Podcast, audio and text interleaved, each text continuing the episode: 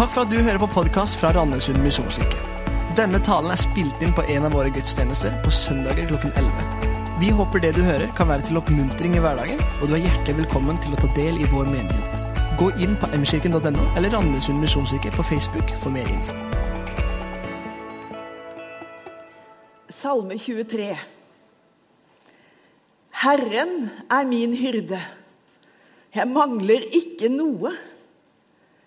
Han lar meg ligge i grønne enger. Han leder meg til vann der jeg finner hvile. Han gir meg nytt liv. Han fører meg på rettferdighetsstier for sitt navns skyld. Om jeg enn skulle vandre i dødsskyggens dal, frykter jeg ikke noe ondt, for du er med meg.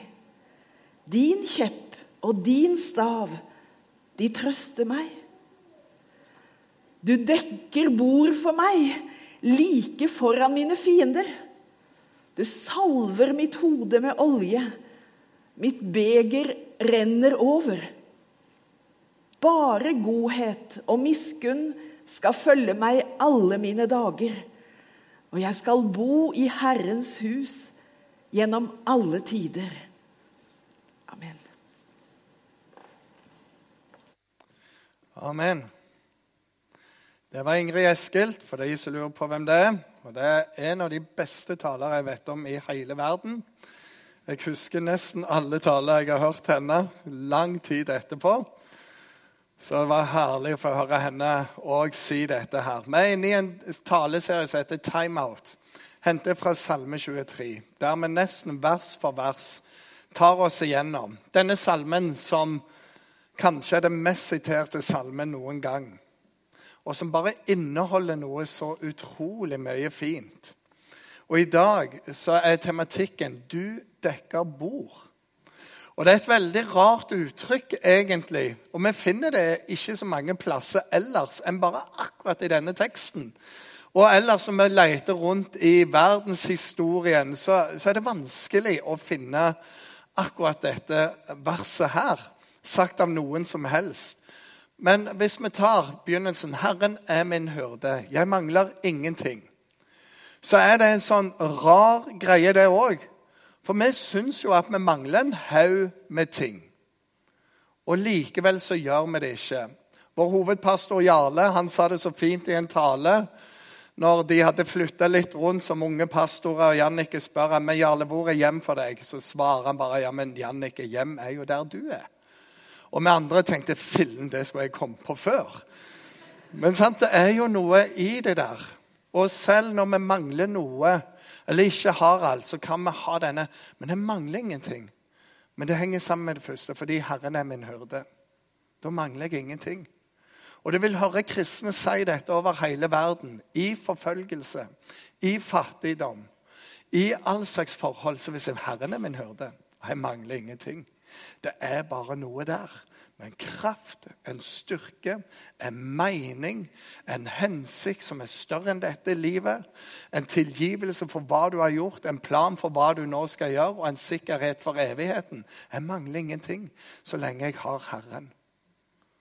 Det er noe vidunderlig. Men den andre Du dekker bord for meg like foran mine fiender. Og I en oversettelse så står det 'like foran øynene på mine fiender'. Det er på en måte litt arrogant. Liksom Midt i en krig så ah, ah, 'Time out!' Sette opp et bord sånn. Bare hold på litt, så bare sitter vi og spiser her og koser oss og har det godt. Hvem gjør dette midt i en krig? Og Det er David som har skrevet denne salmen. Og Hvis vi bare tar en sånn bitte lite Snapchat gjennom hans liv Han kom fra en god familie. Han var yngst av åtte søsken. De hadde det greit, for de hadde en saueflokk. Og det står når det var krig, så hadde de nok mat til å sende opp til hæren og alt de sammen. En god familie, men en dag så får de et spesielt besøk. og Du kan lese fra 1. Samuelsbok, kapittel 16, og bare lese ut igjennom. Så får du rimelig mange heftige kapitler fra Davids liv. En profet det er ikke en hvem som helst. En profet var en som fikk budskapet fra Gud, og det han sa, det skjedde bare. Så alle var sånn Wow! Det var wow! Det var mer enn Trump og Putin til sammen kan si og gjøre i dag. Det var profet. Så kom han til dette huset. Alle bare sånn oh, oh, nå skjer det noe her. Og Han går inn, lukker døra, og så sier han til far og til de eldste guttene Herren har sendt meg her for å salve en ny konge. Og alle All right, dette er bra. Og de visste i tradisjonen så var det jo den eldste. For den eldste hadde dobbel arv, den eldste hadde dobbel velsignelse, den eldste hadde så mange fortrinn. Så faren ja, det er vel han her. Og han er klar Nei, det er ikke han, sier Gud. Hm, det var jo veldig merkelig. Ja, ja, vi får ta rangen, da. Nummer to kommer fram og sier nei, det er ikke han heller. Nummer tre sier yes. Nei. Mm.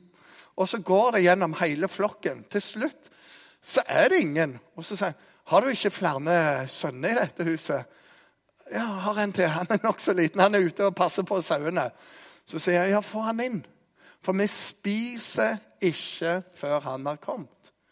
Og inn kommer David, en ung gutt, rødskinna vakker, står det i Bibelen. Hallo, fatter'n, han ikke. Å, en profet, hva skjer her? Og så sier Herren, han er det. Salve han. Og hva tror du det skjer med alle disse søsknene? Når minstemann blir salva, han som er bare ute, han som ikke er med på noen ting, og så sitter de med profeten og spiser rimelig mye misunnelse rundt det bordet. For første gang så dekker Herren bord foran, like foran øynene på fiendene. For Av og til er søsknene dine fiender i misunnelse. Første drapet vi vet om i verdenshistorie, var sjalusi med en bror til en annen. Men vi går videre. David passet disse sauene med livet som innsats. For I kapittel 17 så leser vi om en svær fyr som heter Goliat. Og Han uppa til krig hele tida. Og David sier til kong Saul jeg skal ta han, for jeg har tatt løve og jeg har tatt bjørn når jeg passet på saueflokken. Rimelig bra gjort av en liten, uh, ung gutt. Og Hvis jeg ikke fikk tatt ham med slynga, så tok jeg en i ragget og så ga han fem tette mellom ørene. og Så dunket jeg han, og så var han død. og så bare jeg tar han der òg, liksom. Wow! Dette er en eh, fyr. Og så går han der i kapittel 17, blir kledd opp. Og så sier jeg dette funker jo ikke. Jeg er jo bare liten og klarte ikke å bevege seg med rustning. Det, det, var For første gang så kom breakdance inn i verdenshistorien. Det går bare ikke. Og Han går ut, finner ei slynge, fem steiner, tar Goliat. Tar livet av han og så skjer det ganske mye. Han kommer fra kongen. Og litt av det som trigga David, var jo at han skulle få bli kongens svigersønn. Wow! Så han var sånn OK, jeg tar dette oppdraget, jeg. Og så litt seinere så blir han det.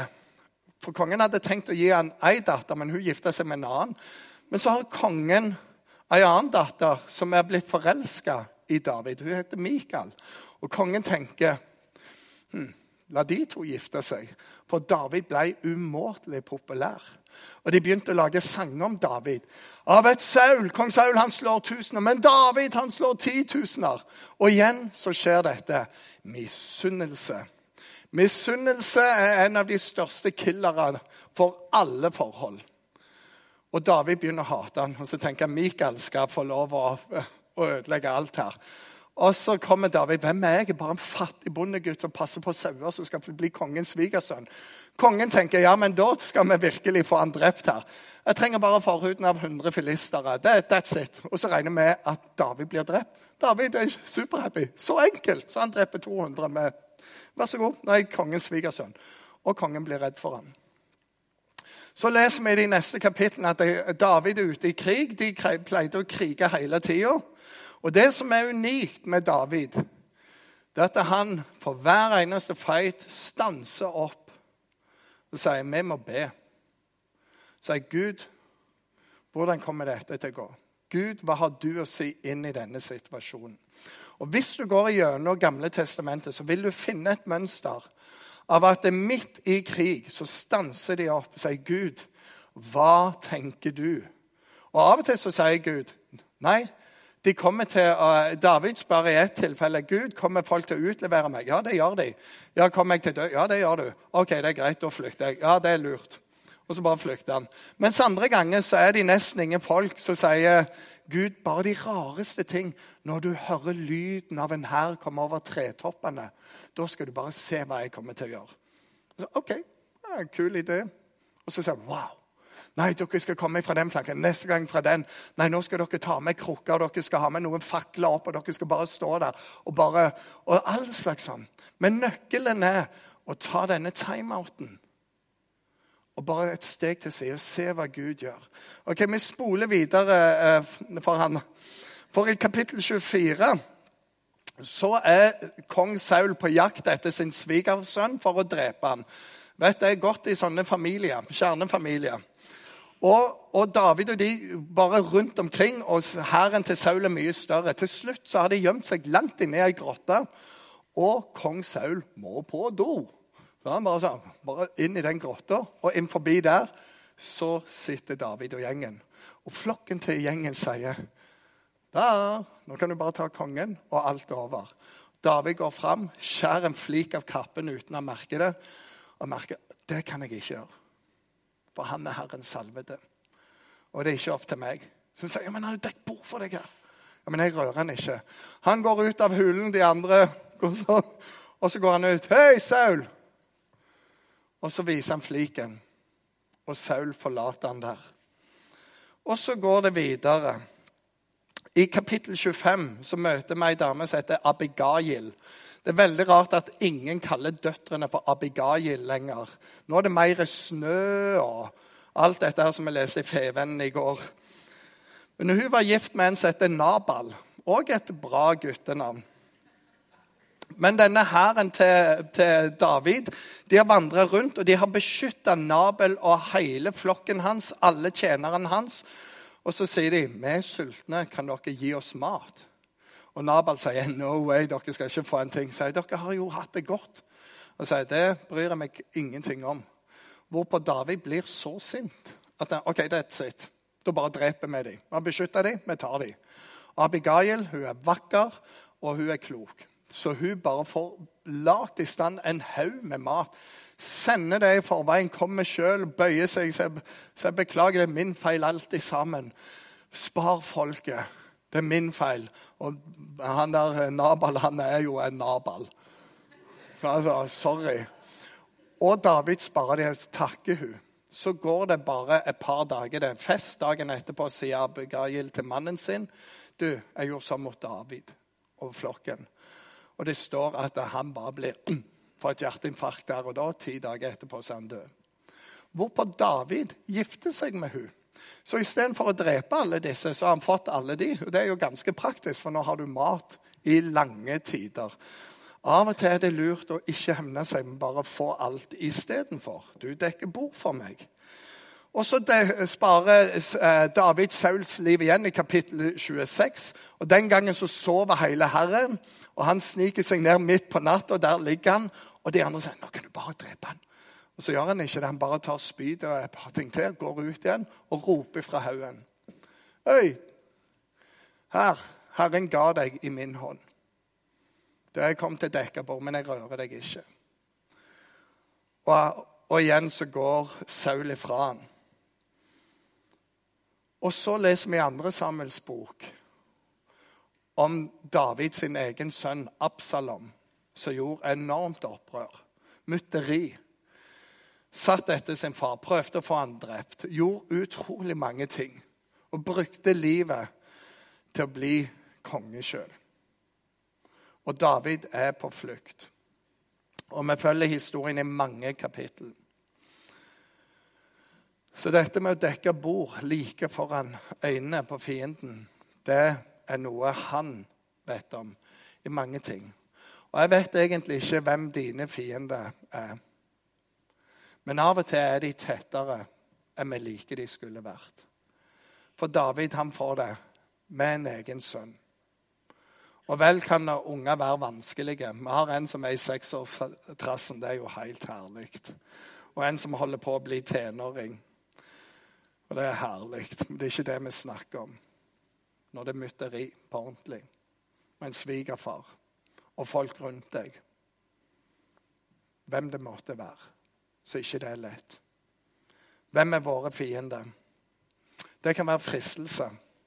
Det står rett foran øynene, like foran øynene mine. Det er fristelse av og til. Det kan være tilbøyeligheter. Jeg vet Når det skjer, så har jeg en tilbøyelighet til. Og Det er disse onde tingene som fratar oss krefter, som fratar oss mot, som fratar oss alt som gjør at vi bare begynner å se mørkere og mørkere på livet. Det er fienden like foran øynene våre. I militæret så snakker vi om det som gjør oss stridsudyktig. Når jeg var på eh, førstegangstjeneste, det var i Stavanger, så var det sånn og Nå må jeg bare beklage hvis noen er fra Stord her. Men vi visste at når en fra Stord kom, så ble den erklært stridsudyktig med en gang. Og, var, og jeg kjørte jeg vet ikke, dusinvis av stordbuer, eller hva enn de kaller seg sjøl, vekk fra militæret, for de var stridsudyktige. De dimitterte på psykisk grunnlag. Så det er knallhardt å bo på Stord. Og Det var liksom gjennomgangsleksa deres. Mens vi andre vi tenkte du får ett år på leir. De betaler deg hver måned for å være ute i naturen, skyte som en galning rundt omkring og ha det veldig gøy. Montere AG3, sette opp knappetelt og se Norge på kryss og tvers. Og Vi gjør mødrene våre stolt når vi kommer i uniformene. Vi skal, vi skal redde dere hvis det blir krig. Og nå når jeg ser 18-19-åringer, så tenker jeg jeg er glad vi har Nato. Men det er en helt annen ting. Helt annen ting. Men rett foran øynene så er det ting som kan paralysere oss. Og vi kjenner oss Jeg har ikke kjangs å kjempe mot dette. Og det er da det er timeout.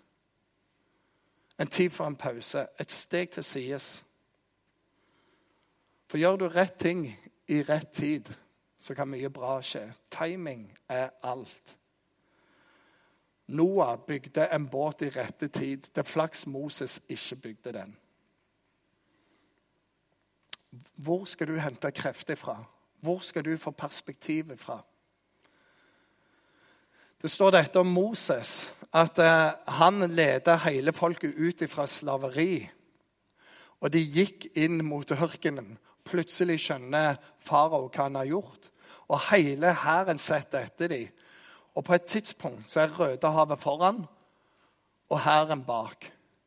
Og de skjønner vi har kommet til et punkt der det er ille ute med oss. Og folket er livredde. Og De sier vi må bare overgi oss til Vi må håpe på livet vårt. Og Moses han tar en timeout midt oppi det. Og Det er sånn, det er ikke tid for timeout nå. Der er de. Der er havet. Her er vi. Vi må gjøre noe. Og han gjør det lureste han kan gjøre løfter blikket opp og sier, 'Far, hva har du å si om dette?' Og så sier Gud dette. Herren skal stride for dere, og dere skal være stille. Det er ganske rått. Og så sier han, 'Ta nå den staven, så planter du den ute i havet, og se hva jeg kan gjøre.' Men hva gjør du? Klarer du deg uten Gud i dette? Slutt å tro på det. Slutt å tro på det. Uten Gud, uten håp. Med Gud, med håp. Vi ser dette gjennom hele GT. Ok, Vi venner oss til Gud. Vi ber en bønn. Vi inkluderer Gud. Han har et annet perspektiv.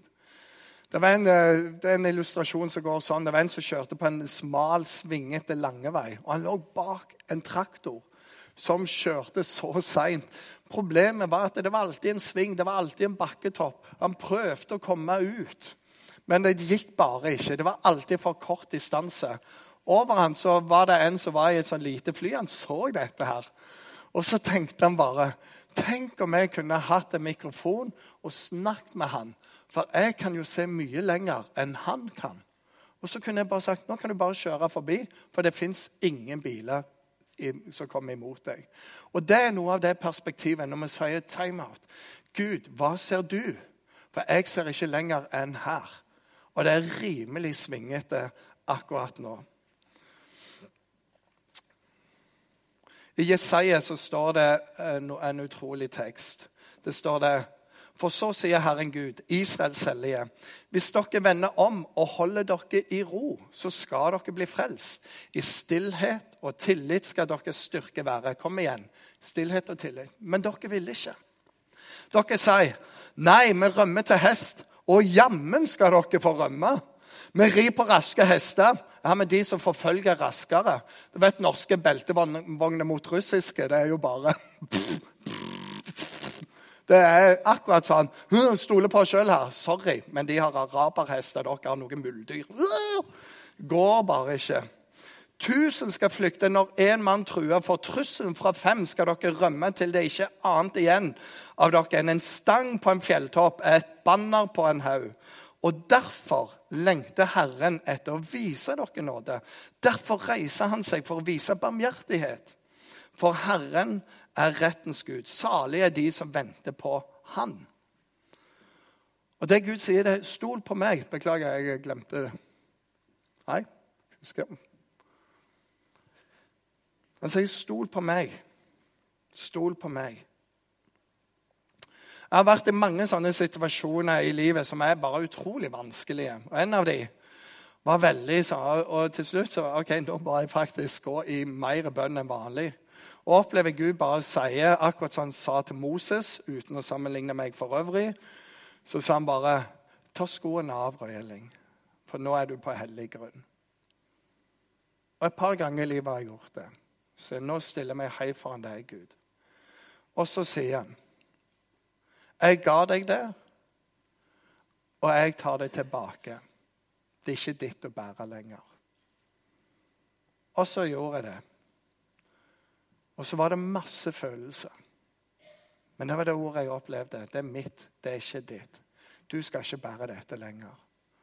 Og så kunne jeg fysisk bare si, 'Herregud, her er det'. Og så er det interessant er en konfliktsamtale mellom andre. Så vet jeg rommet er rigga. Og så lærte jeg et triks av en, og så funket det veldig bra. Så her skal den sitte, og her skal den sitte. Og så ber jeg for begge to, og så ber jeg for plassene, og så ber jeg for samtalen. Og så kommer de inn, og det er egentlig helt fastlåst. Og så begynner forsoning å skje. Og så får jeg se at de får ordna opp. Og så takker de for samtalen. Anytime. Det smarteste jeg kan gjøre, er å holde munnen av og til. Men det er bønnen som var nøkkelen. Vil vi følge Gud? Vil vi følge Ordet? Vil vi være i bønnen? Eller vil vi ta hele kampen sjøl?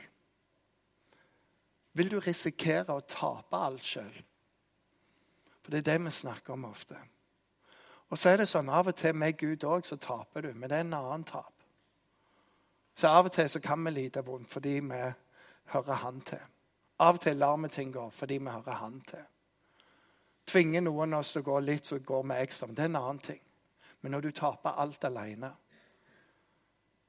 uten Gud, det er en helt annen sak. Så hva vil du egentlig? Vi snakker om å ta ett steg til sides. Det står om det første hellige i Bibelen var hviledagen. Ta én dag til sides og si i dag så har vi en hellig dag. Uten skjerm men bare er sammen med Gud. Jeg har ei venninne, faren er doktor, og hun hadde gaven av å være hypokonder i hele sin oppvekst. Og Det var veldig bra med faren, da, for hun, hun, kom på alle sykdommer de kunne ha. Og, og faren måtte selvfølgelig un, uh, undersøke alt. Hun trodde blindtarmen var galt, hun trodde det var noe galt med tarmene. Hun trodde det var galt hele tiden. Så en dag så sier faren vet du hva, nå tar vi en timeout, og så har vi søndagsfri fra alle problemer. Og hør her, sa han. Og han var rimelig sånn Nå begynner vi med søndag uten problem.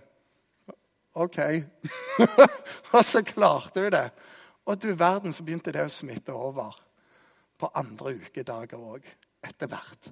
Er det mulig å leve en dag uten alle disse? Jeg kjenner noe nå. Og det var det for hun òg. Ta en timeout ifra det. Så står det du dekker bord for meg. Hvordan ser det ut da, når han dekker bord? Og du vet, Et bord som er dekka til bryllup, hvis du skal ta det, det er rimelig flott. Det er rimelig dandert. Og så er det sånn at bordet er ikke måltidet. Det er virkelig ikke det. Men når du kommer inn til dekka bordet, det er fint. Det gjør jo noe med stemningen. Det gjør noe med samværet. Og det sier noe om at noen har forberedt. Noen har forventninger. Her skal vi ha fest. Her skal det være bra å være sammen. Og det er godt å sette seg ned. Og når Gud inviterer deg, så inviterer han deg til det samværet. Nå, av og til så har vi med en matpakke. Det går veldig fort. Men når du blir invitert på en syvrettersmiddag, da betyr det nå skal vi ha tid. Du må ikke spise for mye av ting, for det kommer mye mer. Det er min evige kamp. Øynene mine er sultne på forretten og brødet som ligger der. Og så begynner de å kjøre på, og så kjenner jeg jeg er jærbu, så jeg spiser opp alt og har det veldig vondt. Men Gud inviterer oss på en syvretters. Vi har tid sammen. Vi skal være i sammen. Av og til sier vi ikke noe, vi bare er i sammen. Og så er det noe når du sitter til bords med en som har en større oversikt, som vet mer enn deg sjøl. Husker han var hjemme hos far. Og så hadde han problemer med støvsugeren. Han fikk ikke opp dette med posene og sånn. Og jeg kommer der og sier ja, men dette, la meg se på dette, far. Så gikk jeg bort, og så og så fikk jeg bare det ikke til, jeg heller, til slutt. Bare sånn skikkelig mm. Så kommer Katrine. Er det ikke bare her? Boom, og så åpner alt seg. Jo. Og far bare holdt på å le seg i hjel av han der eh, eplekjekke sønnen. Det er noe med det. Er det ikke bare sånn, da? Jo, litt sånn. Vi sier det når du får en lunsj av i business. There is no free lunch. Du vet, spanderer de, så forventer de noe. Det er en baktanke med det. Men hva er den baktanken hos Gud, da? Når han sier 'jeg vil ha et måltid med deg'? Hva vil Gud ha? Men det har én ting. Det er relasjon. Jeg vil ha deg. Ingen triks, ingen baktanke. Han vil ha denne. Prat med meg, vær hos meg, stol på meg. Vi ser dette i eh, Lukas 15. Der kommer det noen historier. Ei dame har ei sånn flott diadem, og så har mynt falt ut av det. og det ser ikke ut. Så hun leter over hele huset. Til slutt så finner hun det. Der er han. Setter han på plass.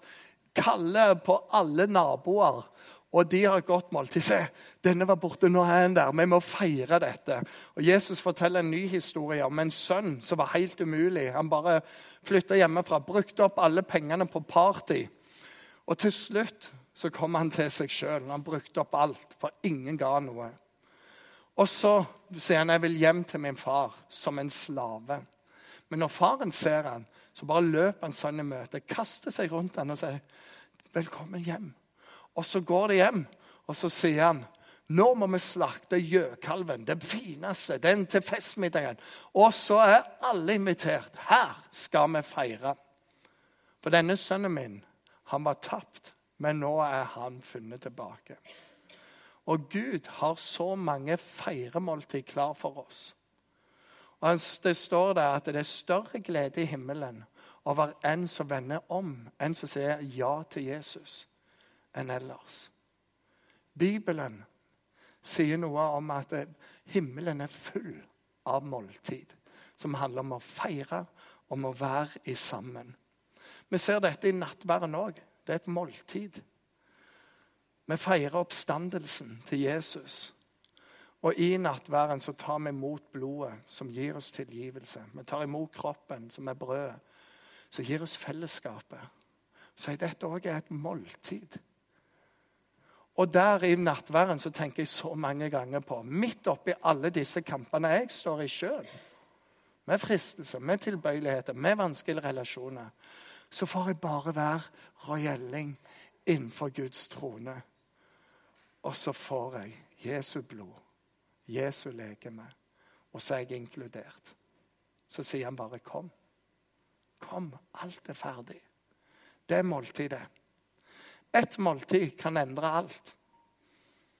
Absolutt alt. Når det ser mørkt ut, og du merker at depresjonen kommer, motløsheten kommer snikende ett måltid kan endre det. Vi ser det med ungene våre når de ikke har fått mat på en stund, de blir grinete og rimelig umulig og sparker og slår og kaller ting.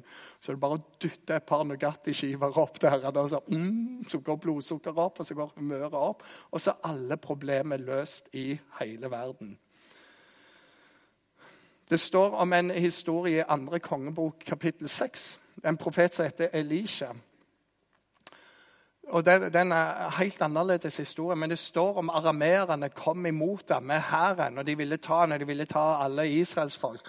Og Elisha han er en profet som bare så wow! Så han sier, 'Gud, ram dem med blindhet', sier han. Og boom!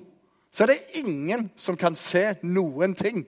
De bare sånn famler rundt, og så går han ut til dem. Hei, 'Hvem er det dere leter etter?' 'Nei, vi leter etter han der Elisha og, og kongen av Israel.' 'Å, jeg vet hvor han holder til. Bare følg etter meg. Kom igjen.' Og så drar han de med seg inn til sentrum av Samaria.